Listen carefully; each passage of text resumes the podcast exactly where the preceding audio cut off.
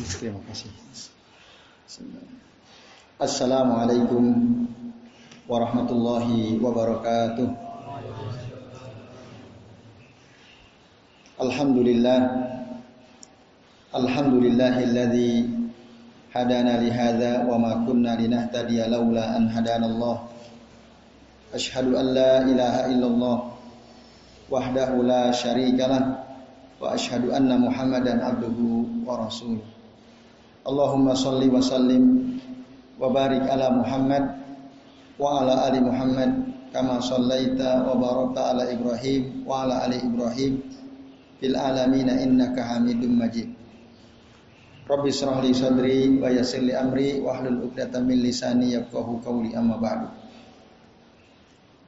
Bapak-bapak dan ikhwas sekalian, A'azani Allah wa iyyakum ajmain. Alhamdulillah pada malam hari ini kita bisa berjumpa kembali di majelis kajian kitab Tazkiyatun Nufus yang disusun oleh saya Dr. Ahmad Farid Hafizahullah Ta'ala pada pertemuan pekan lalu kita sudah memasuki pembahasan tentang macam-macam nafsu ya dan kita sudah bahas yang pertama yaitu nafsu an-nafsu al-mutmainnah itu nafsu yang baik ya. Yang senantiasa mengajak untuk bertaubat kepada Allah Ta'ala, berzikir kepada Allah Ta'ala dan merindukan ya, pertemuan dengan Allah Subhanahu Wa Ta'ala. Nah, maka pahiyah an-nafsul mutmainnah, nafsu mutmainnah. Nah, sekarang kita akan membahas jenis nafsu yang kedua yaitu an-nafsu an-lawwamah.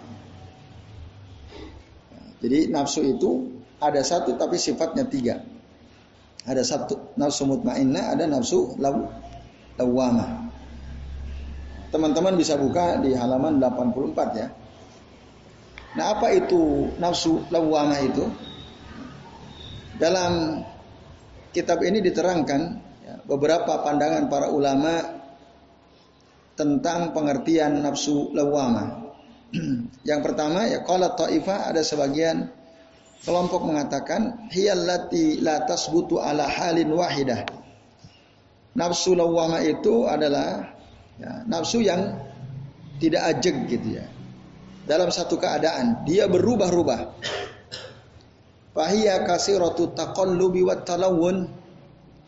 Jadi dia bisa berbolak-balik berwarna-warni gitu ya. Kadang dia ingat, kadang dia lalai, kadang dia ya, menerima, kadang dia berpaling, kadang dia mencintai, kadang dia membenci, kadang dia bahagia, kadang dia sedih.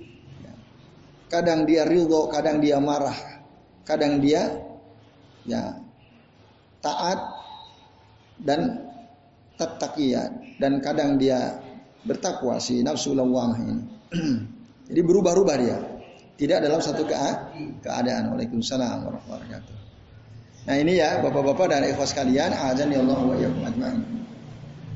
Jadi itu menurut penjelasan sebagian ulama tentang nafsu law lawamah. Nah. nah kata lawamah itu sendiri dari kata lama yalumu. Ya, artinya mencela. Kalau kita lihat dari sisi bahasa ya. Lama ya lumu itu mencela. Nanti dalam Al-Qur'an ada kata laumnya. Kemudian di sini kutip pendapat yang lainnya. Waqala tukhra berkata juga yang kelompok ulama yang lain, apa itu nafsu al-lawamah? Hiya nafsul mu'min. Dia adalah nafsu seorang mukmin ya, jiwa seorang mukmin maka Hasan Al Basri rahimahullah mengatakan innal mu'mina la tarahu illa yalumu nafsahu daiman. Sesungguhnya orang mukmin itu tidaklah melihat nafsunya la tarahu ya, atau dirinya illa yalumu nafsahu daiman. Kecuali dia ya, mencela dirinya sendiri, selalu mencela dirinya sen sendiri. Itu orang mukmin. Kata Hasan Al Basri. Nah, Yakul dia mengatakan ma aradtu hadza lima fa'altu hadza. Saya nggak mau ini. Kenapa saya melakukan ini? Karena hadza aula min hadza. Sebenarnya ini lebih utama daripada ini. Auna wa hadzal kalam. Itu yang sejenis dengan perkataan ini. Nah itu nafsu lawamah yang ada pada diri seorang mukmin. Duh kenapa ya saya tadi kok enggak datang kajian? Padahal saya ada waktu. Kenapa ya saya tadi subuh enggak sholat jamaah? Padahal saya jam 3 bangun gitu misalnya. Lah kok subuhnya enggak enggak ke masjid? Padahal jam 3 bangun. Nah, itu contoh ya. Dia men mencela dirinya sendiri ya. Boleh karena justru bagus gitu. Ketika ada kebaikan yang terlewat lalu dia protes pada dirinya sendiri. Kenapa tadi saya tidak melakukan ini? Padahal sebenarnya sih saya bisa lakukan ini. Gitu. Nah, itu menurut Hasan al Basri. Itu nafsu lawamah itu seperti itu. Dia memang ada pada diri seorang seorang mukmin. Misal lagi misal ya, contoh. Antum di jalan naik motor, depan motor di depan antum ada motor misalnya standarnya itu tidak dilipat gitu ya oleh si pengendara depan kita. Dalam hati kecil saya ingin ngingetin gitu. Eh tapi pas kita salib, kita salib gitu ya. Kita diem aja. Pas udah jauh kita baru inget ya Allah tadi kenapa saya nggak ingetin kan gitu. Pernah nggak mengalami seperti itu? Pernah ya. Nah itu. Jadi ada kebaikan yang bisa kita lakukan tapi kita nggak melakukannya. Lalu kita mencela diri kita sendiri. Nah itulah nafsu al-lawwamah. Nafsu al-lawwamah. Dia ada pada diri seorang mukmin. Ada juga yang mengatakan waqalat ukhra berkata kelompok lain al-laumu yaumal qiyamah. Jadi nafsu lawwamah itu ada celaan kelak nanti pada hari kiamat. Fa inna kulla ahadin yalumu nafsahu bahwa setiap orang itu dia akan mencela dirinya sendiri ingkana musian ala isaati. Nah, kalau dia orang berbuat buruk ya, dia mencela karena keburukannya. Itu nanti setiap orang di hari kiamat yang berbuat buruk dia akan mencela dirinya sendiri. Ya. Kenapa saya dulu berbuat zolim? Kenapa saya dulu berbohong? Kenapa dulu saya uh, menyakitin orang lain? Kenapa begini-begini? Dia mencela dirinya sendiri. Kalau dia buruk. Tapi kalau dia orang baik wa ingkana muhsinan yalumu nafsahu ala taksirihi. Yalumu nafsahu ala taksirihi. Dia akan mencela juga dirinya karena kebaikan yang dia lakukan itu seadanya. Ah, alat taksir itu ya sekedarnya ya. Jadi gak, gak sungguh-sungguh gitu ya. Nah, dia akan mencela juga nanti. Nah, kenapa ya? Saya dulu misalnya. Alhamdulillah sih sudah rajin datang ke majelis ilmu. Tapi kenapa saya nggak tuntaskan ngaji kitab sampai tuntas gitu ya? Hanya sebagian saja. Contoh misalnya, dia akan mencela dirinya sendiri. Ya. Kenapa kok saya bantu orang hanya setengah-setengah gitu? Padahal saya mampu membantu dia sampai tuntas. Itu. Nah, kenapa saya waktu hidup sering saya sholat jamaah, tapi saya sering meninggalkan zikir ba'da sholat misalnya. Habis sholat salam keluar keluar sering seperti itu. Padahal saya mampu zikir misalnya. Nah itu kalau dia baik. Nah dia baik. Kenapa ya saya sholat jamaah tapi masbuk terus gitu ya. Selalu masbuk. Padahal saya bisa datang lebih awal. Bisa sekali. Nah itu ya. Kita nanti akan mencela diri kita sendiri di hari kiamat. Ya. Padahal kita mampu melakukannya, tapi kita tidak melakukannya. Itulah dia nafsu lawamah. Jadi lawamah itu dari kata laun tadi. Ya, lawamah itu sigohnya sigoh mubalago. Jadi banyak mencela. Nah, mencela dirinya sen sendiri. Kemudian dikutip di sini perkataan Al Imam Ibnu Qayyim Al-Jauziyah ya rahimahullah wa hadza kulluhu haqqun kata beliau. Semua itu benar. Pengertian yang disebutkan di atas tadi itu semua benar kata beliau. Hanya saja nanti al-lawamatu nau'ani kata beliau. Celaan itu ada dua. Ya. Lawamatu mulawwamah ada lawamah wairu mulawwamah. Ada celaan yang tercela tapi ada celaan yang tidak tercela.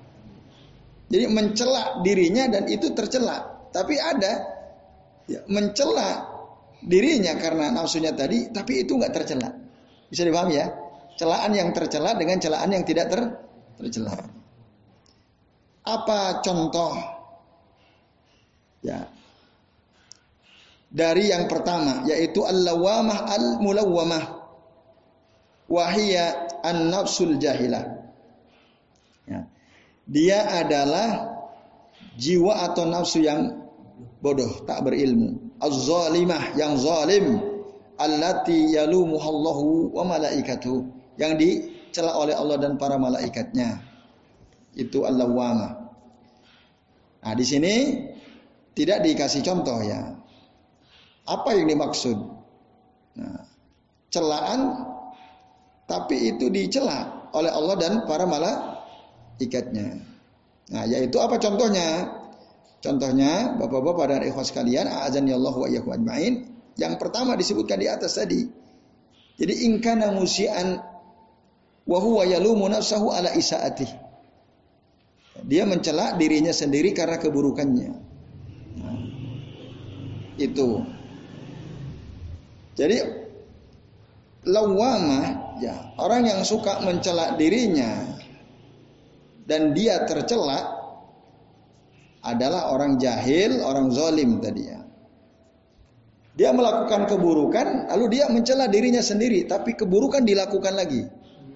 Itu dia tidak berubah, hanya mencela tapi dia lakukan, lalu dia cela lagi dirinya, dia lakukan lagi keburukan.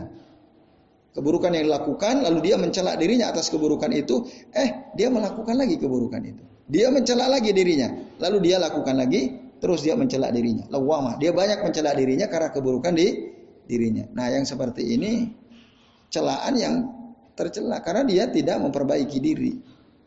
Gitu. Nah, sementara yang al-lawamah ghairu mulawwamah ya, adalah dia mencela dirinya karena ketidaksempurnaan dia dalam taat kepada Allah Ta'ala. Walaupun dia udah bersungguh-sungguh gitu. Tadi misalnya, ya, dia berusaha untuk ya, bisa sholat lail. Berusaha dia. Untuk bisa sholat subuh berjamaah tidak masbuk gitu ya. Dulu dia udah usaha. Sebelum tidur dia udah wudhu dulu. Dia udah bersiwak atau gosok gigi dulu. Bahkan dia baca doa dulu sebelum tidur. Udah dia usahakan. Eh pas bangun jam 3. Pipis. Ya. Subuh jam berapa? Masih sejam lagi. Ah lumayan deh. Gitu ya. Lumayan. Istirahat saya. Dia udah usaha. Nanti ya jam setengah empat lah saya bangun. Berbaring dulu dia. Nah, dia udah sebelum tidur udah dia sempurnakan. Udah udah berusaha gitu. Eh ternyata azan nggak denger, ikomah nggak denger, pas bangun jam lima kurang seperempat. Subuhnya lewat, nggak jamaah. Apalagi sholat lainnya lebih lewat lagi. Nah, akhirnya tapi dia tetap berusaha sholat subuh, waktunya masih ada. Lalu dia mencela dirinya Allah, kenapa saya tadi jam 3 enggak bangun aja sekalian? Sekalian guyur seluruh tubuh supaya hilang ngantuknya kan gitu. Tadi kok kenapa malah ah lumayan setengah jam. Nah, gitu kan, lumayan setengah jam. Nah, itu dia melakukan taksir dalam ketaatan kepada Allah taala. Nah, yang kayak gini ini tercela atau tidak? dia mencela dirinya. Tidak, enggak, enggak. Ya. Malah, malah itu bagus gitu. Kalau ada orang dia mencela dirinya karena dia tidak mampu melakukan ketaatan kepada Allah secara sempurna, lalu dia mencela dirinya, ini bagus. Ya, antum mencela diri antum karena antum nggak bisa meluangkan waktu untuk baca Quran. Ya kan? Antum nggak bisa luangkan waktu untuk baca Quran. Sebenarnya antum bisa, udah niat. Ah saya nanti mau baca Quran. Habis sholat mau baca Quran minimal satu halaman. Ya, ini satu halaman nggak satu juz, satu juz mungkin berat bagi sebagian orang. Ini dia niat satu halaman saya akan baca Quran, habis sholat zuhur sambil istirahat, tak bacalah satu halaman. Antum udah ngeluarin, HP dari keluarin, aplikasi Quran udah antum buka, ada notifikasi di WhatsApp antum, antum buka, oh ada menarik ini, ya, info menarik, ada video menarik. Akhirnya antum terlena dengan info yang antum baca di WhatsApp grup itu. Nah, itu lain lagi nanti pembahasannya ya. Uh, enggak, enggak. Ini, ini enggak ada nama yang disebut ya. Kayak gitu itu akhirnya jam istirahat antum sudah ha habis. Mau baca Quran waktunya sudah tidak ada. Siapa yang salah tuh? Ya kita sendiri kan. Enggak jadi baca Quran gara-gara kita buka WhatsApp kan. Pada HP di situ ada aplikasi Quran. Bahkan udah antum buka itu aplikasi Quran. Antum lihat dulu HP. Ini ada teman Pak Nasir ngirim video nih. Coba deh tak lihat. Eh malah. Nggak bisa. Nah ini ya. Pernah nggak terjadi kayak gitu? Pernah? Lalu antum mencela diri antum nggak? Nah kalau antum mencela diri antum bagus itu. Kayak gitu itu bagus. Harusnya memang kita mencela diri kita sendiri. Kenapa ya tadi saya enggak langsung aja baca Al-Quran. Kok malah buka WA segala. Kan bisa aja buka, buka WA ditunda saya baca Quran bisa enggak? Kenapa malah tergoda buka WA dulu kan gitu. Akhirnya kita mencela diri sen sendiri. Karena apa? Kesempatan untuk baca Quran hilang. Nah kayak gini ini dia wa asrafun nufus man lamat nafsaha min taatillah. Jadi semulia-mulia jiwa, semulia-mulia nafsu adalah nafsu orang yang dia mencela dirinya sendiri dari ketaatan kepada Allah Ta'ala. Ada dia tidak sempat memaksimalkan waktunya untuk taat kepada Allah Ta'ala. Nah ini. Wahtamalat malamal lawami fi mardatihi. Dana di antara nafsu lawamah yang bagus juga adalah orang yang nafsunya mampu memikul celaan orang lain yang suka mencelak dirinya di dalam mengamalkan perbuatan dalam rangka untuk mendapatkan keriduan Allah Subhanahu wa taala. Jadi kita berusaha untuk mengamalkan sesuatu yang Allah ridho tapi dicela sama orang. Gitu ya, dicela sama orang. Gimana contohnya? Senantiasa kita berzikir, subhanallah, masya Allah, Allahu Akbar. Eh dicela sama orang. Ada orang mencela. Risi saya mendengar kok zikir terus. Terganggu konsentrasi saya. Ada nggak orang ngomong begitu? Orang zikir kok dicela. Ini rektor apa pimpinan majelis salim gitu. Yang ketawa sudah lihat videonya tuh. yang yang diem belum lihat videonya pasti ya. Nah, jadi ada ya, ada orang tidak seneng ya mendengar orang lain zikir gitu ya. Tapi jika orang yang zikir itu dicela sama orang ini, dia tenang saja. Ya, di, eh, di, di, dicela karena zikirnya dia tenang saja karena dia yang dia cari keridhaan Allah Subhanahu wa taala maka itu bagus. Ya. Jadi kalau usah digubris. Siapa pun dia yang mencela kita gara-gara kita zikir, kok kita di nyek gitu ya. Ya itu nggak usah digubris biarkan. Nah, nah ini ya. Nah dalam Al-Quran, ya surah Al-Maidah ayat 54. Ya, di situ jelas dikatakan ya. Orang-orang mukmin itu ya yang dicintai oleh Allah Subhanahu wa taala, mereka itu di antara sifatnya apa? Wala yakhafuna laumata laimin.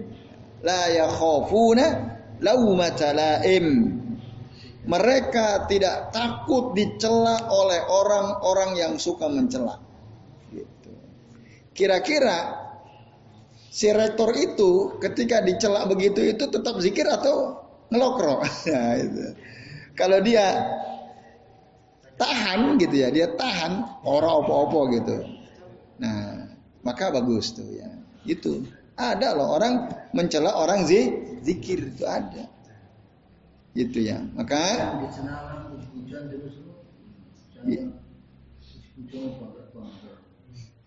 uh, uh, itu celaan bukan? Kayak gitu itu.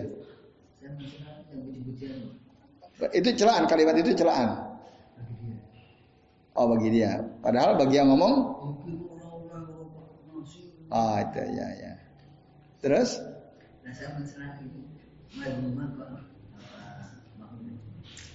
Celaan antum. Itu mengingatkan, mencela mengingatkan tentu berbeda.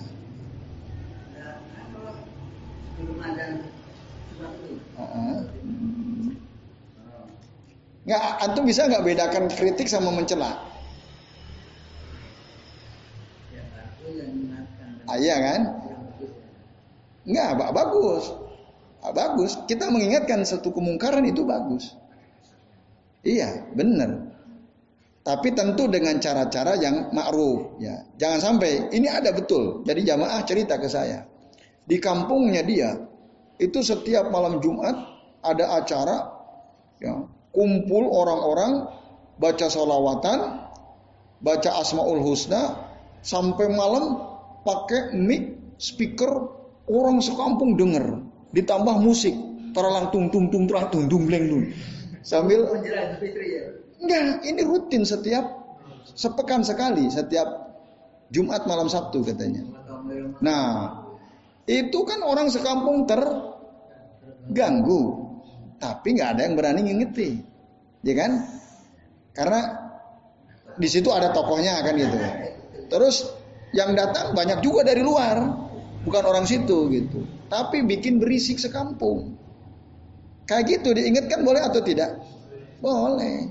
Dan mengingatkan bukan celaan. Eh, antum itu kalau mau sholawatan nggak usah pakai musik, nggak usah keras-keras, nggak usah bikin ribut, nggak usah bikin orang sekampung terganggu. Boleh kita ingatkan. Datangi ya tokohnya Pak gitu. Kalau mau sholawatan bagus, itu ibadah.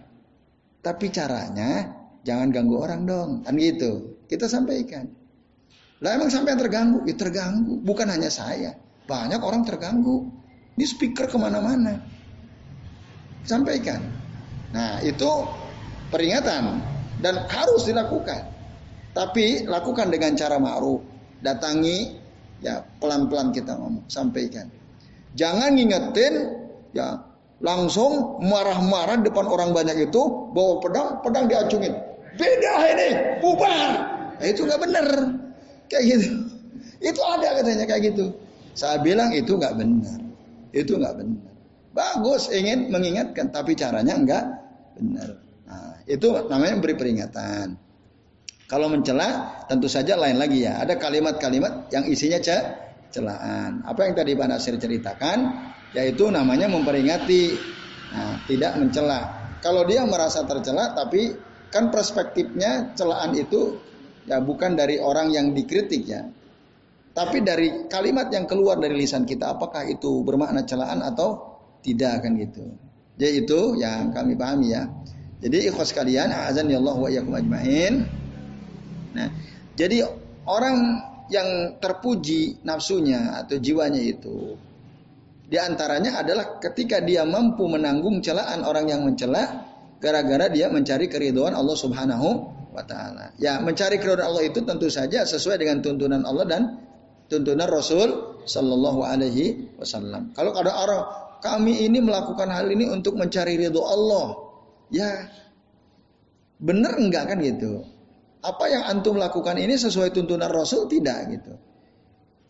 Kalau tidak, bukan malah keriduan yang antum dapatkan, tapi malah kemur kemurkaan. Walaupun mungkin yang antum ucapkan kalimat-kalimat thayyibah. Tapi kalau cara antum seperti ini, tadi ya misalnya diiringi oleh musik, mengganggu orang lain dan seterusnya.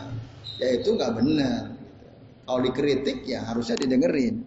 Nah ini bapak-bapak dan ikhwas sekalian, nah, maka orang yang dicela, banyak orang mencela karena dia melakukan sesuatu yang baik sesuai dengan tuntunan Al-Quran dan Sunnah. Nah, ini adalah jiwa atau nafsu yang baik ya. Walaupun dicela dia tetap bersabar gitu ya. Nah ini maka orang yang fahadhihi qad ya takhallasat min laumillahi azza wajal. Maka jiwa atau nafsu yang seperti ini dia telah selamat dari celaan Allah Subhanahu wa taala. Dia selamat tuh. Dia dicela oleh orang dalam ketaatannya.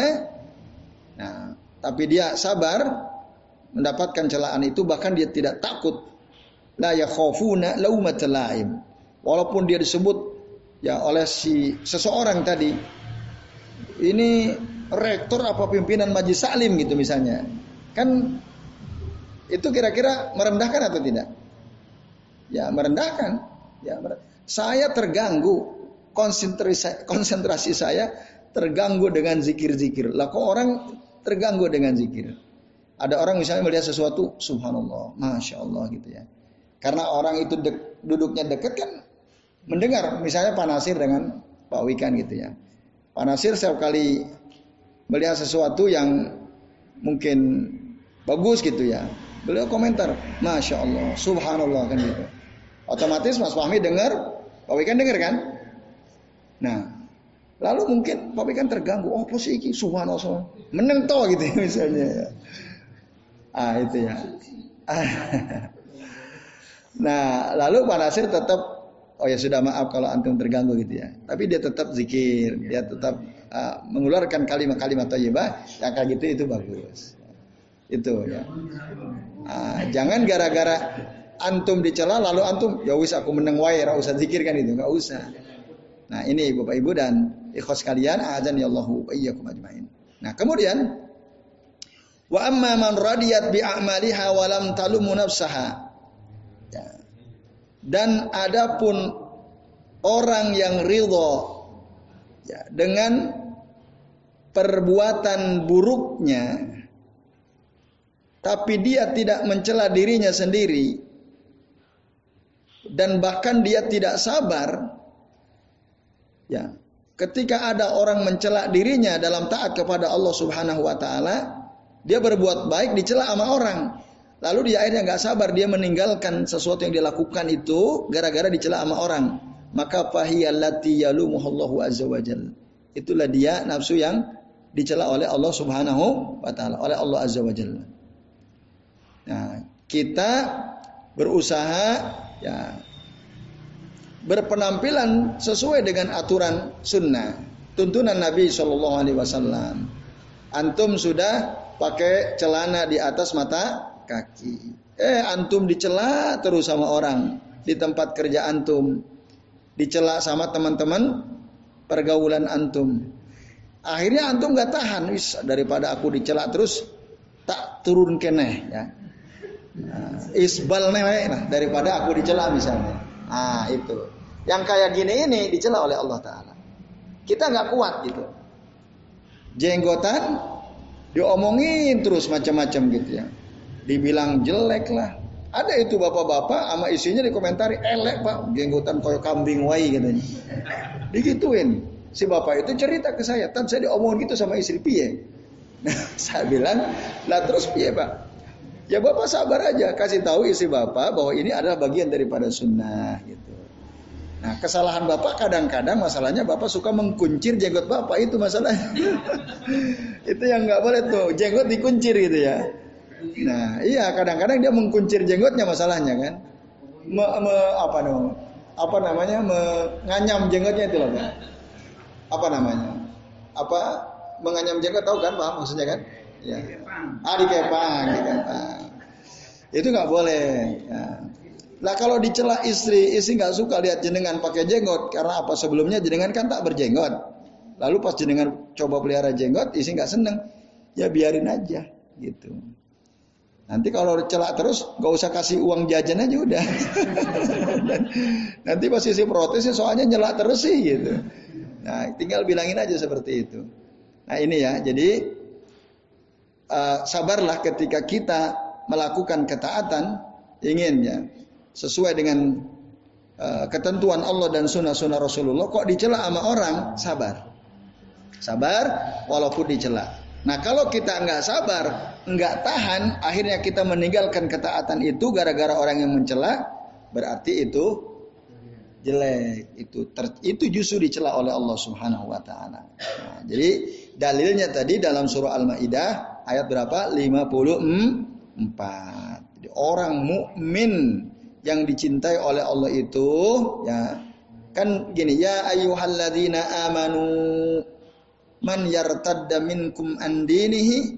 Wahai orang-orang beriman barang siapa yang murtad dari kalian ya keluar dari agamanya fasawfa ya'tillahu biqaumin yuhibbuhum wa yuhibbunahu. Maka Allah akan datangkan satu kaum di mana Allah mencintai mereka dan mereka pun mencintai Allah. Azillatin alal mu'minin, aizzatin alal kafirin. Ya, itu. Jadi mereka berlemah lembut tawadu kepada orang-orang mukmin, bersikap tegas terhadap orang-orang kafir, tegas mulia terhadap orang kafir, yujahiduna fi sabilillah. Mereka terus berjuang di jalan Allah wala yakhafuna. Mereka tidak takut celaan orang yang mencela dirinya. Itu zalika fadlullah yu'tihi mayyasha. Itulah dia karunia Allah yang Allah berikan kepada hamba yang dikehendakinya. Wallahu wasi'un alim. Allah itu maha luas karunianya dan Allah maha mengetahui. Surah apa tadi? Al-Maidah ayat 54. Itu. Nah, itu keterangan tentang an-nafsu al-lawwamah, ya, nafsu yang uh, suka mencela tadi, mencela dirinya karena gara-gara apa? Gara-gara taatnya tidak tidak sempurna, tidak maksimal, dia mencela dirinya itu bagus. Gimana? Ah. Terus? Ah al-haqqi la tazalu ta'ifatun min ummati zahirina al haqqi hatta ya'ti Allah bi amri. Ya, kalau mau dicari-cari sih bisa aja dipaksa-paksa kita cari ya. Nah. tidak Tidak, itu itu hatta ya'ti amrullah. Dalam riwayat yang lain hatta takuma as-sa'ah sampai hari kiamat tiba ya. Jadi itu Pak Nasir. Wallahu a'lam Nah, itu. Jadi jelas ya. Nafsu lawama itu emang ada gitu. Dalam diri kita ada. Kita punya sifat itu. Tapi ingat tadi ada yang baik, ada yang buruk. Antum harus mampu membedakan.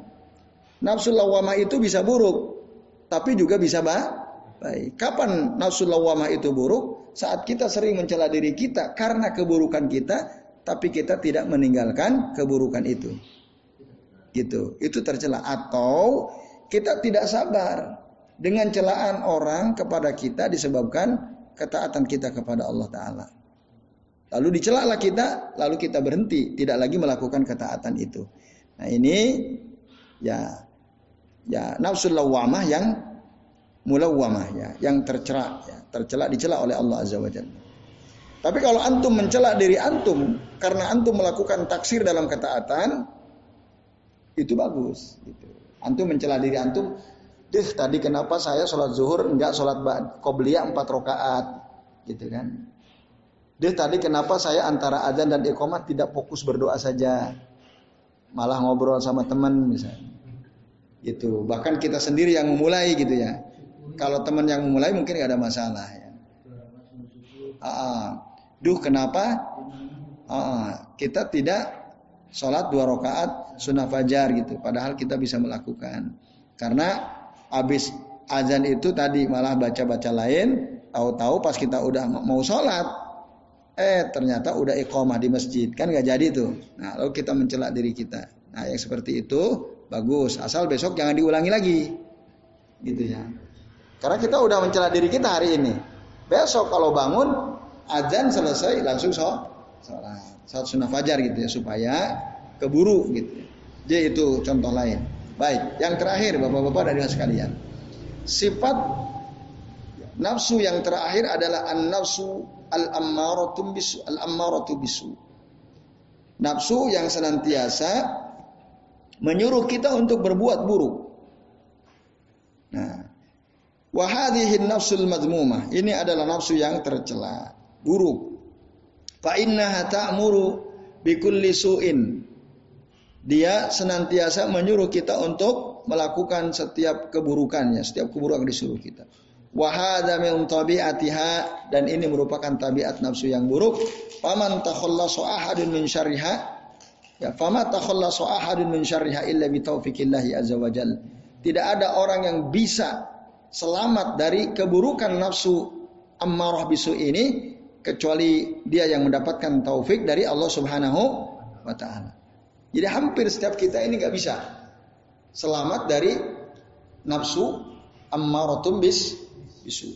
Hampir tidak bisa. Hampir setiap kita ini kena kecuali siapa? Orang yang mendapatkan taufik dari Allah Subhanahu wa taala. Itu ya.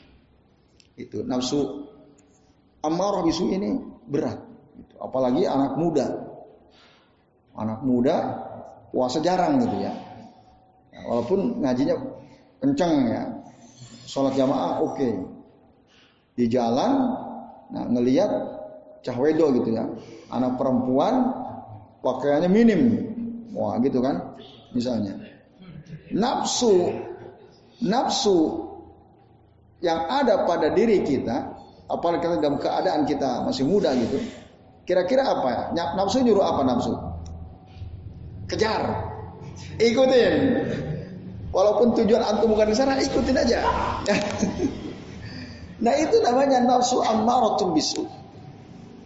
Nafsu yang nyuruh kita untuk melakukan keburukan. Itu. Ammarah bisu. Kita ini nggak bisa selamat itu. nggak bisa. Kecuali orang yang mendapat taufik dari Allah Subhanahu wa taala. Itu ya, ikhlas kalian, azan ya Allah wa Setiap kita sama, siapa pun kita sama gitu ya. Ya, mendapat taufik dari Allah. Apa taufiknya? Kemudahan untuk menghindari godaan itu. Nafsu kan menggoda-goda kita. Udah, kapan lagi? Ini kesempatan gitu ya.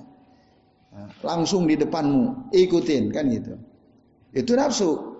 Amarah bisu. Menyuruh kita berbuat buruk.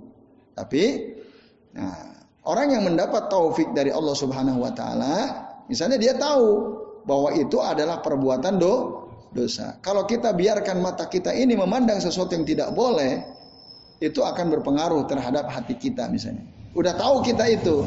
Bukankah di dalam Al-Quran surah An-Nur Allah subhanahu wa ta'ala berfirman. Kullil mu'minina yaguddu apa? Min absarihim wayah wayah apa? Wayahfazuna furujahum kan itu. Katakan wahai Muhammad kepada orang-orang mukmin supaya mereka menundukkan pandangan mata, menjaga kemaluan mereka. Nah, kan itu udah tahu dari itu. Tapi tas pas di jalan nafsu amarah bisu kan juru kita. Orang yang mendapat taufik dari Allah, dia dengan mudah akan menepis godaan syaitan itu. Enggak, ini dilarang. Dalam Al-Qur'an kita sebagai mukmin dilarang untuk membebaskan pandangan mata mata kita kepada sesuatu yang dilarang oleh ajaran agama kita. Nah, itu yang maksud bitaufiqillahi azza wajal. Nah, Bapak-bapak dan Ibu sekalian, diceritakan di dalam surah Yusuf ayat 53 ya, tentang ammaratun bisu itu ya. Wa ma ubarri'u nafsi Nah, innan nafsa la ammaratun bisu illa man rahima rabbi inna rabbi ghafurur rahim. Nah, itu ya. Dan aku tidak bisa berlepas diri dari nafsuku. Ya, setiap orang sama. Ini kan cerita istri uh, seorang apa pejabat negara kan gitu. Nah, yang waktu itu dia tertarik kepada Nabi Yusuf karena kegantengannya. Nabi Yusuf kan dibeli oleh dia tinggal di rumah ya. Lalu kemudian ketika beranjak dewasa, si istri dari si pejabat ini tertarik kepada Yusuf. Apalagi di rumah cuman ber, berdua gitu ya. Di rumah cuman berdua. Nah, lalu si istri dari pejabat ini mengakui wama ubarri nafsi. Nah, jadi dia tidak bisa melepaskan dirinya dari nafsu yang buruk. Sampai kan akhirnya dikunci pintu, Yusuf dipaksakan gitu. Nabi Yusuf tapi menghindar atas tentu izin Allah Subhanahu wa taala. Nah, dia mengakui wama ubarri'u nafsi. Aku tidak bisa membebaskan diriku dari nafsu. Inna nafsa la'ammaratun bisu. Sesungguhnya nafsu itu senantiasa menyuruh ya untuk berbuat bu buruk. Illa man rahima rabbi kecuali orang yang dirahmati oleh Tuhanku oleh Allah Subhanahu wa taala. Inna rabbi ghafurur rahim. Sesungguhnya Tuhanku Maha Pengampun lagi Maha Penyayang. Ini pengakuan dari istri pejabat tersebut ya. Di mana di Mesir ya Yusuf itu ya. Nah, kemudian dalam Al-Qur'an surah An-Nur ayat 21, qala Allah azza wa jalla, Allah azza wa jalla berfirman, "Walaula fadlullahi alaikum wa rahmatuhu." Seandainya tidak ada karunia dari Allah kepada kalian, tidak ada kasih sayang Allah kepada kalian, mazaka minkum min ahadin abada maka tidak akan ada yang bisa ya, membersihkan dirinya dari kalian dari perbuatan keji dan mungkar. Tidak ada seorang pun yang bisa membersihkan diri selama-lamanya. Kalau bukan karena al-fadl min Allah wa rahmatuhu. Ya, kalau bukan karena karunia Allah, bukan karena kasih Allah, hampir setiap kita ini nggak bisa meninggalkan keburukan. Kalau bukan karena karunia dari Allah Subhanahu wa taala. Karena masing-masing kita punya itu, nafsu ammaratun bisu. Dalam diri kita dia selalu menyuruh kita berbuat buruk gitu. Maka beruntunglah orang yang dapat karunia dari Allah yang bisa apa? menghindari gitu ya setiap godaan nafsu ammarah bisu itu. Nah ini ya bapak-bapak eh, dan ikhwas kalian. Nah Nabi Shallallahu Alaihi Wasallam mengajarkan kepada kita dalam khutbah Al-Hajjah ya. Beliau setiap kali mau khutbah itu, beliau sering mengucapkan innal hamda lillah. Nahmaduhu wa nasta'inuhu wa nastaghfiruhu wa na'udzu billahi min syururi anfusina wa min sayyiati a'ma a'malina. Itu kan. Eh, sesungguhnya segala puji bagi Allah.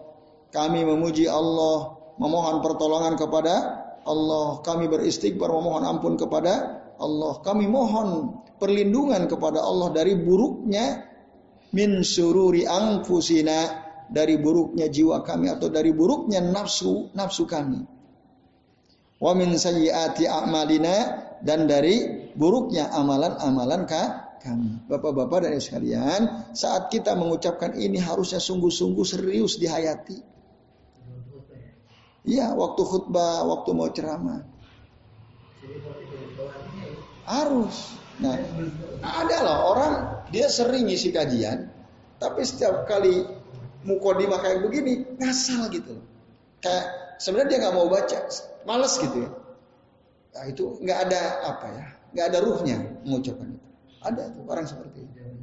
Tidak menjiwai. Harusnya saat kita ini kan penting sekali. Innal hamdalillah nahmaduhu wa nasta'inuhu wa nastaghfiruh wa na'udzu billahi min syururi anfusina wa min sayyiati a'malina. May yahdihillah fala mudhillalah wa may yudlil fala hadiyalah ini harus serius. Jangan ngasal. Wah orang bosan dengerin gak peduli.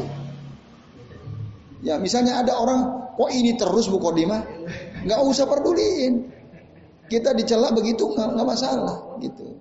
Kan kadang ada orang sok-sokan, ya sok-sokan bosen, ya, nggak ada variasi. Nah, itu orang yang ngomong gitu nggak paham maknanya.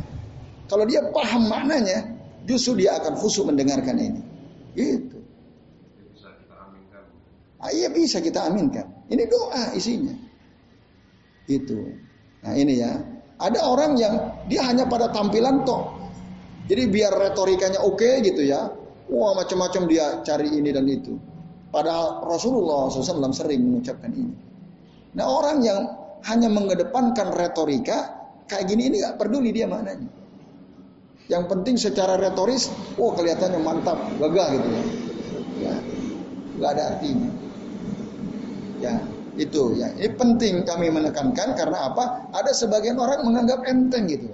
Kalimat-kalimat yang biasa diucapkan Nabi sebelum beliau menyampaikan ilmu. Sebelum beliau menyampaikan khutbah. Nah, salah satu di antara yang terpentingnya ini. Isinya bagus banget ini. Innal hamdalillah Kan semua kita nih, nahmaduhu, kita semua memuji Allah. Wa nasta'inuhu, kita semua memohon pertolongan kepada Allah. Wa nastaghfiruhu, kita semua memohon ampunan kepada Allah. Wa na'udzubillah dan kita semua memohon perlindungan kepada Allah min syururi angkusina dari keburukan jiwa-jiwa kita, dari keburukan nafsu-nafsu kita, wa min sayyiati a'malina dan dari keburukan amal-amal kita. Kan mantap isinya. Ya atau tidak? Bagus sekali. Kenapa kita bosan mengucapkan ini? Nah, kalaupun toh ada variasi ya yang isinya juga baik gitu ya. Nah, ini. Jadi tadi karena karena ini fakta ya. Kami mendapatkan ada orang dia itu kalau setiap membaca mukadimah itu ngasal gitu loh. Walaupun dia sering isi pengajian gitu. Tidak tidak ada rohnya dia mengucapkan mukadimahnya itu. Ya karena mungkin daripada orang bosan dengerin gitu ya. Mungkin dia suuzon dulu kepada jamaah. Belum tentu jamaah bosan kan? Belum tentu loh. Justru jamaah akan bosan ketika dia ngasal mengucapkannya. Nah itu. Nah ini ya bapak-bapak dan ibu sekalian. Azan ya Allah wa iyyakum ajmain. Nah itu dalam mukadimah itu Nabi mengajarkan kepada kita ya memohon perlindungan dari keburukan nafsu-nafsu kita tadi. Min syururi ang usina. Pasyarru kaminun fin nafas. Keburukan itu sembunyi dalam jiwa kita. Wa huwa yujibu sayyiatil amal. Nah, dia akan tadi kalau dibiarkan nafsu itu dia pasti akan membuat kita melakukan amal-amal yang buruk. Fa idza khallallahu bainal abdi wa baina nafsihi kalau Allah membiarkan antara dia dengan nafsunya itu halaka baina syarriha, maka dia pasti binasa karena keburukan nafsunya itu wa ma taqtadihi min sayyiatil a'mal wa in wa in waffaqahu Allahu wa anahu najah min zalika min zalika kullihi gitu. Nah, dia akhirnya akan melakukan amal-amal yang buruk tapi kalau dia mendapatkan taufik dari Allah, Allah tolong dia, maka dia akan selamat dari itu semua. Nah, itu hawa nafsu yang ammaratul bisu itu berat gitu ya. Kecil tadi orang dapat taufik dari Allah Subhanahu wa taala. Maka panas Allah al-azim an yu'idana min syururi anfusina wa min sayyiati amalina. Maka kita memohon kepada Allah zat yang maha agung supaya Allah melindungi kita dari buruknya nafsu-nafsu kita, dari buruknya jiwa-jiwa kita dan dari buruknya amal-amal buruk kita. Dari buruknya keburukan amal-amal kita. Maka ringkasan dari uh, perkataan ini adalah apa? Inna nafsa wahidah. Sesungguhnya jiwa itu satu. Wahidatun. Takun ammarah. Ya. Tapi dia bisa menjadi nafsu yang menyuruh kita berbuat buruk. Ammarah. Summa lawama. Kemudian dia juga bisa menjadi pencelak yang mencelak kita. Ya, kita mencelak diri kita sendiri. Summa mutmainnah. Kemudian naik lagi jadi nafsu yang tenang, jiwa yang tenang, wahiyya ghayatu kamali hawa salahiha. Nah, itulah dia kalau nafsu kita sudah mutmainnah itu ya puncak kesempurnaan dan kebaikan nafsu kita. Nafsu yang mutmainnah itu temannya malaikat. Yang ada di dekatnya malaikat yang selalu membenarkan, memperbaiki dia dan meletakkan dalam jiwanya kebenaran, mendorong dia untuk melakukan kebenaran dan menjadikan kebenaran itu indah dipandang. Ya. Dan nafsu mutmainnah juga dia akan melarang si pemilik nafsu itu dari perbuatan batil dan akan menjadikan dia zuhud ya dan akan memperlihatkan kepadanya keburukan kebatilan gitu itu jiwa yang tenang maka Wabil jumlah fama kana lillahi wa billahi fahuwa min indi nafsil mutmainnah. kesimpulannya adalah uh, selama dia melakukan sesuatu karena Allah atas nama Allah, maka itulah dia jiwa yang tenang. Wa amman nafsul ammarah adapun jiwa yang senantiasa menyuruh keburukan paju ila syaitanu qarinuha maka syaitan dijadikan sebagai temannya wasahibu alladhi yaliha yang ada di dekat dengan dirinya fahuwa ya'iduha wa dan uh, si syaitan ini menjanjikan hal-hal ya yang buruk kepada si nafsu itu dan apa memberikan angan-angan. Lalu kemudian ya meletakkan di dalam jiwanya ini kebatilan. Sehingga jiwanya atau nafsunya menyuruh dia untuk berbuat buruk dan dijadikan indah keburukan itu lalu kemudian wayutilu fil amal dia menjadi panjang angan-angan lalu kebatilan ya dijadikan indah ya, oleh syaitan. Bagi siapa? Bagi orang yang jiwanya jiwanya atau nafsunya rotum bis bisu. Itu senantiasa didekati oleh syaitan.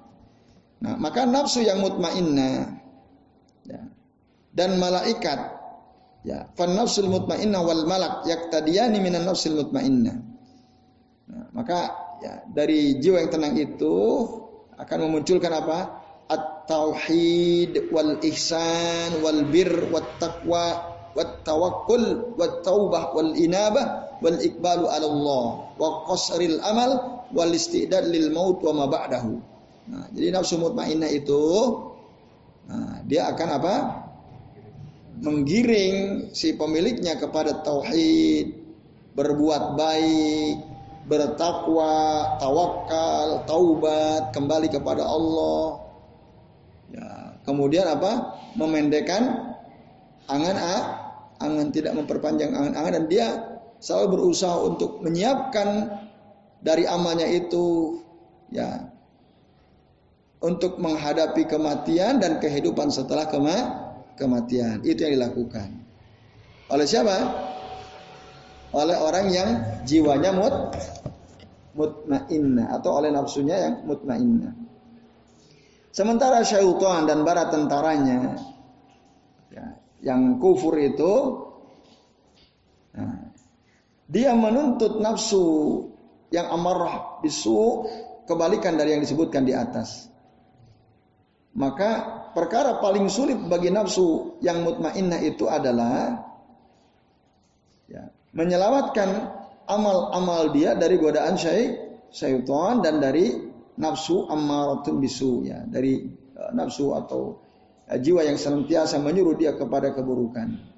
Nah, jadi kalau dia berhasil ya, menghilangkan tadi godaan syaitan dan amarah bisu dalam amalan dia, satu saja misalnya, maka dia ya la najabihi al abdu. Maka hamba tersebut dia akan se selamat. Ya. Walakin abad al ammar wa syaitanu an yada'aha lahu amalan wahidan yasiru ilallah. Akan tetapi syaitan dan nafsu yang senantiasa menyuruh kita berbuat buruk itu mereka enggan membiarkan kita melakukan suatu amalan yang amal kita diterima oleh Allah Subhanahu wa taala. Pasti kita akan digoda, diganggu terus oleh syaitan dan oleh nafsu ammaratul bisu. Nah, gitu. Antum ngapain sih cepet-cepet ke masjid? Kan jarak ajan iqomah lumayan 15 menit. Antum buka HP kan lumayan tuh, antum buka Twitter bisa baca berita banyak lumayan. Itu kan godaan apa tuh? Syaitan sama amaratun bisu, kan gitu. Nanti antum kalau ke masjid duluan, antum nunggu di sana. Mendingan antum baca WA, enak antum kan? Kan gitu. Syaitan gitu tuh. Nafsu mutmainnah, udah. Boyo antum itu buru-buru ke masjid. Kalau bisa antum bisa sholat tahiyatul masjid, lalu antum bisa sholat qobliyah, antum bisa berdoa antara azan iqamah. Wah, mantap banget tuh antum. Kata nafsu mutmainnah. Nah, itu ya tergantung kekuatan iman kita nanti. Tapi si Ammaratum bisu enggak mau ngapain antum ke sana. Nah, kayak gitu. ya masing-masing orang tentu saja kadarnya berbeda-beda ya. Nah, berbeda be, beda. Nah, itu, itu contohnya dalam kehidupan sehari-hari kita sering menemukan tadi apa? Uh, di satu sisi kita didorong melakukan kebaikan, di sisi lain kita ditahan untuk melakukan keba kebaikan. Maka di kalau divisualisasi orang kalau buat video tuh ada visualisasinya. Di sini ada yang warnanya putih, di sini warnanya merah. Ya kan? Yang putih malaikat, yang merah syaitan gitu ya. Nah, kata di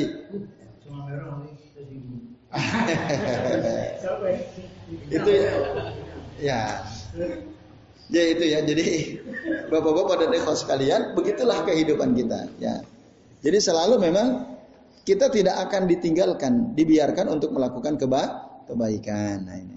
Kama qala ba'dul arifina billahi wa binafsihi. Sebagaimana orang-orang yang ya dia ba'dul arifin billah wa binafsihi maksudnya orang yang mengerti Allah, mengerti tentang dirinya, Ya, ini al-arif. Ya, sering kalau di bahasa kita diterjemahkan orang yang bijak gitu ya. Arif itu arif dan bijaksana gitu ya.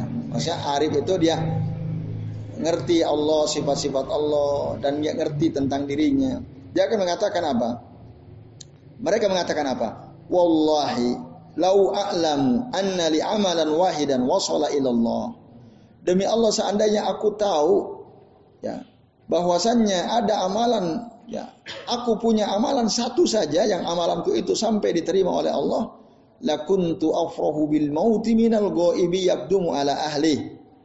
Nah, niscaya aku lebih bahagia ya mendapatkan kematian daripada bahagianya orang yang ya bepergian lama lalu pulang ketemu dengan kelu keluarganya. Itu kata sebagian al-arif billah ya. Jadi kalau aku ngerti ada amalanku itu satu saja diterima oleh Allah Taala, kalau aku ngerti, masalahnya kita tahu nggak kalau amalan kita diterima atau tidak? Ya, ya, ya kan nggak ada yang tahu. Sholat jamaah kita diterima atau tidak? Duduknya kita di majelis ilmu seperti ini diterima atau tidak? Sodako kita diterima atau tidak? Perbuatan baik kita diterima atau tidak? Nggak tahu kita. Seandainya itu sampai ada si orang yang arif ini mengatakan, seandainya aku tahu ada amalanku yang diterima oleh Allah Subhanahu wa taala, maka ya, kematian lebih aku sukai daripada kematian lebih membahagiakanku daripada kebahagiaan orang yang setelah bepergian jauh lalu pulang mau ketemu dengan keluarganya. Orang yang safar misalnya sebulan atau sepuluh hari lah Ketika mau pulang, mau ketemu anak istrinya, seneng nggak? Wah seneng banget. Ya. Pulang umroh aja, pas mau pulang itu seneng, mau kembali sama anak istri. Padahal di sana menyenangkan. Pulang menyenangkan juga, karena akan ketemu dengan keluarga. Orang haji juga sama seperti itu pastinya. Nah, tapi kebahagiaan orang yang mau kembali kepada keluarganya, menurut ya, orang yang ngerti Allah, al-arif billah binafsihi, ada yang lebih bahagia daripada itu. Apa?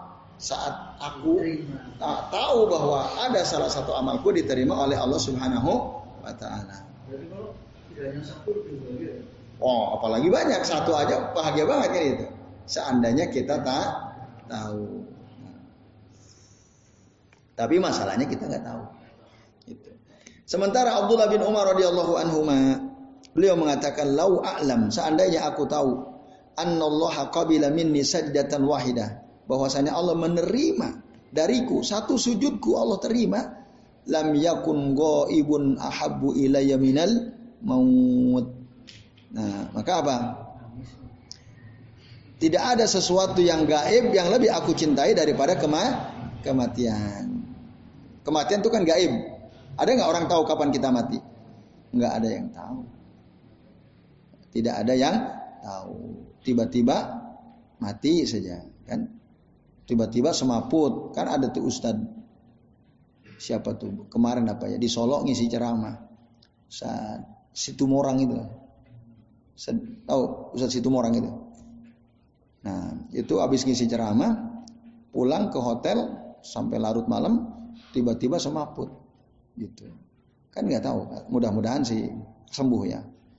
Nah itu ada orang yang ya tiba-tiba ya dulu yang sempat viral mau sholat Jumat, mau khotib Jumat, mau ngimami Jumat, habis sholat tahiyatul masjid, mau naik ke atas mimbar tiba-tiba semaput meninggal. Ada kan? Ada di nah, Kita nggak tahu. Padahal mungkin dari rumah oke-oke saja. Nah, ini iya, Nah, iya, kita kita nggak tahu. Dari sini ke rumah. Iya. Tapi semoga antum selamat ya. Antum dan kita semua meninggal dalam keadaan baik-baik saja ya. Nah itu intinya kita nggak tahu gitu ya. Nah, seandainya kita tahu ada sujud kita, ini perkataan Abdul bin Umar, ada sujudnya beliau yang diterima oleh Allah satu saja, itu lebih beliau sukai. Eh, kalau tahu gitu, maka perkara yang yang gaib yang dia tidak tahu, yang paling dicintai adalah kema kematian. Karena bahagia banget itu ada amalan yang diterima. Cuma sekali lagi tadi kita tidak tahu. Nah, ini Bapak-bapak dan ikhwan sekalian, azani wa iyyakum ajmain. Nah, kemudian waqad intasabat al-ammarah fi muqabalatil mutmainnah. Jadi nafsu ammarah bisu dan nafsu mutmainnah itu memang senantiasa berlawanan. Fa kullama ja'at bihi tilka min khairin. Setiap kali nafsu mutmainnah akan melakukan kebaikan dohat hahadihi maka dia akan ditentang oleh nafsu ammarah bisu. Wa hadhihi ya ja'at min syarrin bima yuqabiluhu hatta tufassirahu alaiha. Nah, maka nafsu ammarah bisu dia akan datang dengan keburukan. Untuk apa? Menggoda supaya orang yang mau melakukan kebaikan itu tidak ja, tidak jadi melakukan keba kebaikan. Selalu digoda. Ya tadi yang saya kasih contoh itu. Ya, udah antum cepat-cepat ke masjid. Ya, antum malah bagus banget bisa sholat tahiyatul masjid, bisa sholat qobliyah, bisa nunggu sholat, didoakan oleh malaikat, antum bisa berdoa. Nafsu mutmainah nyuruh gitu. Tapi nafsu amarah bisu, gak usah. Antum ke masjid belum ada orang baru muadzin kok. Gitu ya. Ngapain antum nunggu lama-lama orang? Nanti antum malah ngantuk di sana. Mendingan antum buka Twitter, antum buka Facebook dan seterusnya. Kan gitu. Selalu selalu seperti itu. Itu contoh ya, contoh seperti itu. Nah ini lalu disebutkan contoh lain. Yang saya sebutkan contoh dalam kehidupan kita di zaman modern ini kan seperti itu ya. Godaannya gitu ya. Betul atau tidak? Baca Quran antum capek-capek angkat suara. Apalagi antum lagi lapar tuh, baca Quran. Gak usah, terus piye? Ya, untuk antum baca web WhatsApp kan nggak bertuh suara antum, tinggal baca aja. Kan gitu ya. Nah, itu selalu ditentang gitu ya. Nah, kalau disebutkan dalam contoh di sini, ya nafsu ammarah bisu dia selalu memperlihatkan hakikat jihad misalnya. Jihad jihad fisabilillah. Kalau menurut nafsu mutmainah kan ini adalah amalan yang sangat luar biasa. Orang kalau jihad di jalan Allah, lalu kemudian apalagi dia mati syahid, dia akan mendapatkan keutamaan banyak sekali. Tapi kata nafsu amarah bisu, ente jihad ngapain? Hanya ingin membunuh diri ente sendiri. Kalau ente jihad mati kan ente berarti membunuh ente sendiri. Belum lagi ente istrimu itu akan dinikahi sama orang coba. Ya. Belum lagi nanti anak-anakmu itu akan jadi anak yatim. Hartamu akan dibagi-bagiin. Udah nggak usah jihad kan gitu. Istrimu nanti dikawinin orang loh. Itu kata nafsu amal bisu. Nah. Atau sodako misalnya, zakat misalnya. Nafsu amarah bisu akan menampakkan zakat di mata orang yang akan melakukannya. Kalau kamu zakat, kamu sodako berarti kamu menghambur-hamburkan uangmu, menghilangkan uangmu, uangmu akan berkurang, kurang. Uangmu akan lepas dari genggamanmu. Gitu. Nanti kamu jadi peminta-minta gara-gara kamu sodako atau zakat. Gak usah lah, gak usah sodako. Itu kata siapa? Ammaratum bisu. Nanti kalau kamu sering sodako, miskin kamu. Kan gitu. Habis uangmu. Coba kalau kamu sodako uangmu di dompet ada sejuta kan? Kamu sodako kepada orang berapa? Seratus ribu, dua ribu. Kurang nggak? kurang tuh, ah nggak usah sodako.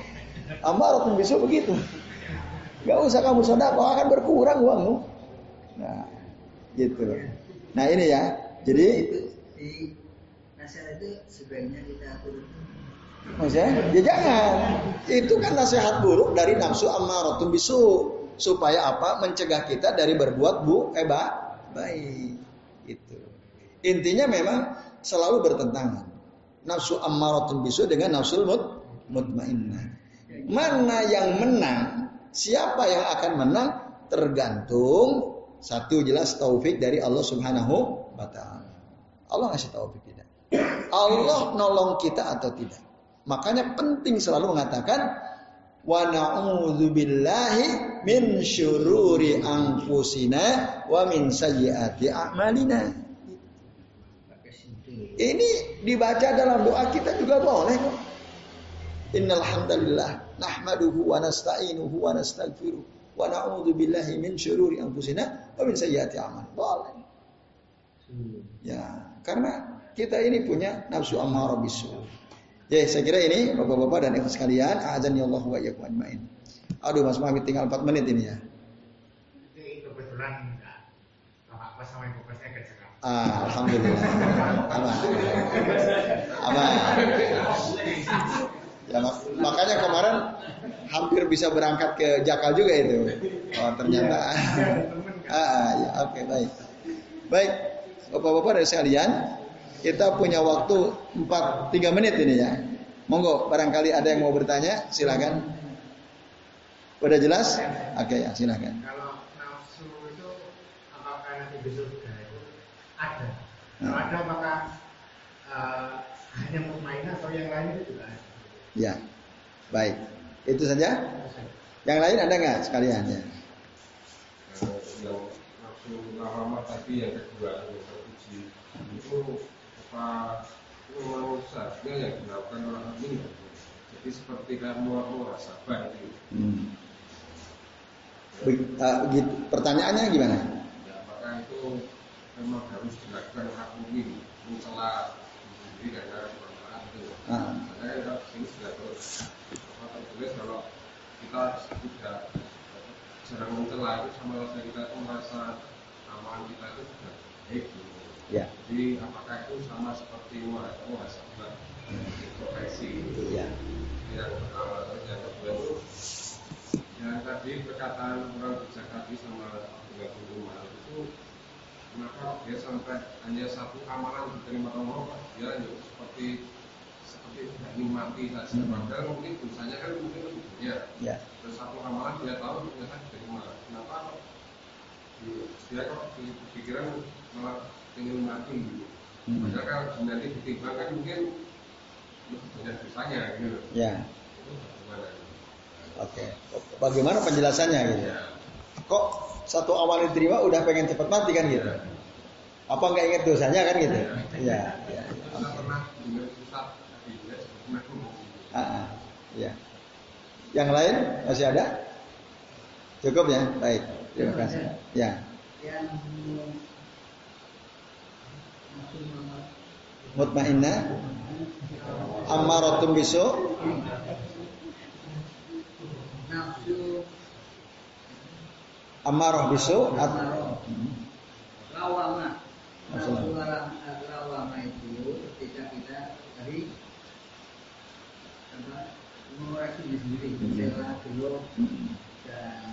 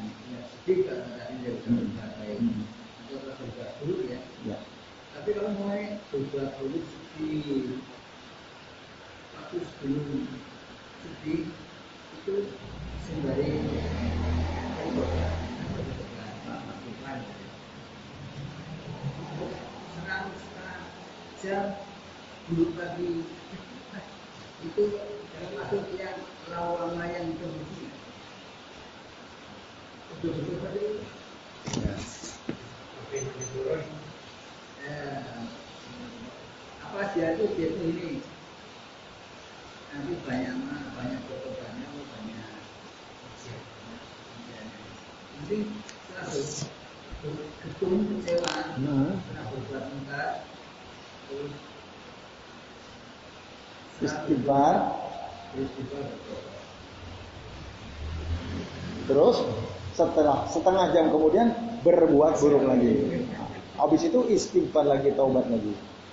Itu. Udah bertobat terus melakukan keburukan lagi. Gimana? Tobat.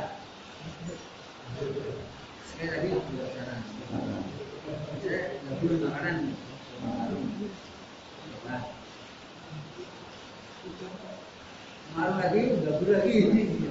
Nggak lagi itu bohong lagi. Hmm.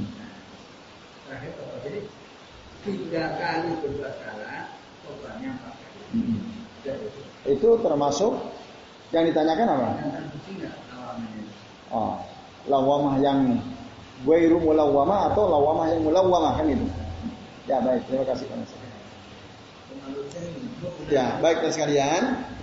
Pertama pertanyaan Mas Fahmi ya tadi, apakah di sorga ada nafsu lawamah, ada nafsu ammarah bisu atau hanya nafsu mutmainnah saja? Nah, yang kami pahami dari penjelasan yang kita sudah bahas ini dan dari beberapa keterangan dalam hadis Nabi ya tentang para penduduk sorga itu ya, bahwa mereka itu keinginannya adalah senantiasa berzikir kepada Allah Subhanahu wa taala. Itulah keinginan para penduduk surga. Gitu. Jadi maka dengan demikian nafsu yang ada pada diri para penduduk surga itu cuma satu, nafsul mutmainnah. Senantiasa ingin berzikir kepada Allah. Gitu. Nah, kalau nafsu, nafsu punya, jelas punya. Punya nggak nafsu kepada pasangan, kepada bidadari? Ada nafsu nggak? Misalnya ya. Ada, jelas ada. jadi di surga Iya, tapi itu tetap masuknya nafsu mut mutmain. Dapat nikmat luar biasa, ya diberi bidadari, nanti selalu zikir gitu atas nikmat yang luar biasa itu. Jadi di sorga itu para penduduk sorga punya nafsu tapi sifatnya satu, yaitu nafsul mutmain. Nah, Allahu a'lam. Yang kedua, apakah nafsu lawamah yang seharusnya dimiliki oleh seorang mukmin itu sama dengan muhasabah? Kurang lebih seperti itu. Ya. Jadi uh, yang jelas setiap mukmin itu dia punya nafsu lawamah. Tadi udah digambarkan ya. Dia ketika dia ingat, dia hitung-hitung, nah, kan muhasabah tuh. Lalu kemudian ya Allah ternyata hari ini dosa saya lebih banyak daripada amal soleh saya. Dia celak, ya Allah gitu. Ya, dasar diriku yang lemah ini gitu ya. Nah, misalnya dia mencela dirinya, harusnya saya bisa melakukan banyak kebaikan, ini justru saya buang waktu saya untuk hal-hal yang tidak ada faedahnya misalnya. Nah, itu. Ya, itu muncul tentu dari hasil muhasabah kan. Akhirnya dia mencela dirinya setelah dia melakukan perhitungan terhadap dirinya. Nah, gitu. Lalu yang kedua, perkataan sebagian tadi al-arif billahi wa binafsihi dan Abdullah bin Umar. Kok bisa-bisanya gitu. Ketika dia tahu ada satu amalan soleh, amal baik yang diterima oleh Allah, itu lebih membahagiakan bagi dirinya. Ya. Bahkan tidak ada sesuatu yang diinginkan kecuali kematian ketika dia sudah tahu bahwa amalnya diterima. Nah, lalu apa dia nggak ingat dosanya? Kan gitu. Perspektifnya bukan dari sisi itu. Melihatnya dari sisi betapa kita ini nggak tahu gitu loh. Amalan kita ini diterima atau tidak. Seandainya kita tahu, wah itu membahagiakan sekali. Stresinya di situ. Ya, jadi cara melihatnya dari sisi itu. Sungguh kita ini sangat berbahagia kalau kita tahu amal kita ini diterima oleh Allah. Sangat bahagia. Sampai-sampai saking bahagianya kita, nah kan gitu. Ah, sampai dia ingin ah lebih baik aku mati saja, cepat mati gitu ya. Tapi kan nggak boleh kita bercita-cita cepat mati kan gitu. Maksudnya kematian lebih aku sukai kan begitu daripada uh, apa perkara gaib yang lain. Itu kan kata Abdullah bin Umar radhiyallahu anhu. Jadi itu. Uh, jadi tidak apa? Apa yang dikatakan oleh Abdullah bin Umar dan dikatakan oleh sebagian dari al-arifillah itu bukan perkataan yang tercela, bukan pula bentuk kesombongan gitu.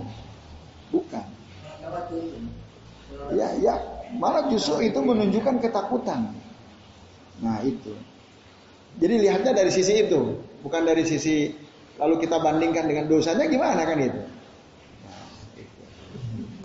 Dan tadi faktanya kan kita itu nggak tahu gitu, amal kita ini diterima atau tidak. Seandainya tahu, wah itu kan membahagiakan sekali. Itu itu itu dari situ lihatnya. Yaitu Allah alam Yang terakhir, Panasir tadi ya. Orang yang berbuat mengikuti nafsu amarah bisu gitu ya. Lalu kemudian dia istighfar, bertaubat. Sejam kemudian mengikuti lagi nafsu amarah bisunya, melakukan keburukan lagi. Taubat lagi. Melakukan keburukan sampai tiga kali. Tapi taubatnya empat kali. Itu baik, baik. Karena apa? Memang begitulah manusia. Nabi SAW bersabda, Kullu bani Adam khotta'un. Setiap manusia anak Adam itu salahnya banyak banget. Khotta itu isi mubalago. Isim yang menunjukkan kesangatan, sangat banyak salahnya. Tapi khairu wa khairu dan sebaik-baik orang yang banyak salahnya itu tawabun, banyak bertaubat. Taubat antum lebih banyak daripada salah antum. Salahnya tiga kali, taubatnya empat kali. Ya, itu baik. Ah, terus mati misalnya. Itu baik. Cuman jangan anggap remeh dosa. Anggap apa-apa, nanti saya bisa taubat lagi. Nah, itu bahaya. Eh ternyata belum sempat taubat kita mati ketika melakukan maksiatan misalnya. Itu. Jadi jangan menganggap remeh perbuatan do dosa dengan alasan apa? Wong nanti juga bisa taubat lagi. Kan gitu ya. Wah itu bahaya itu. Bahaya. Karena kita nggak ngerti gitu. Kapan kita mah mati. Iya kalau kita diberi kesempatan taubat. Lah kalau tidak, matinya pas kita berbuat dosa. Iya, wah, ngeri itu. Jadi jangan anggap remeh perbuatan do. Hindari sebisa mungkin. Jadi ini bapak-bapak dan ibu sekalian, ya, alhamdulillah saya kira cukup sampai di sini. Insya Allah kita lanjut lagi nanti di pertemuan pekan yang akan datang.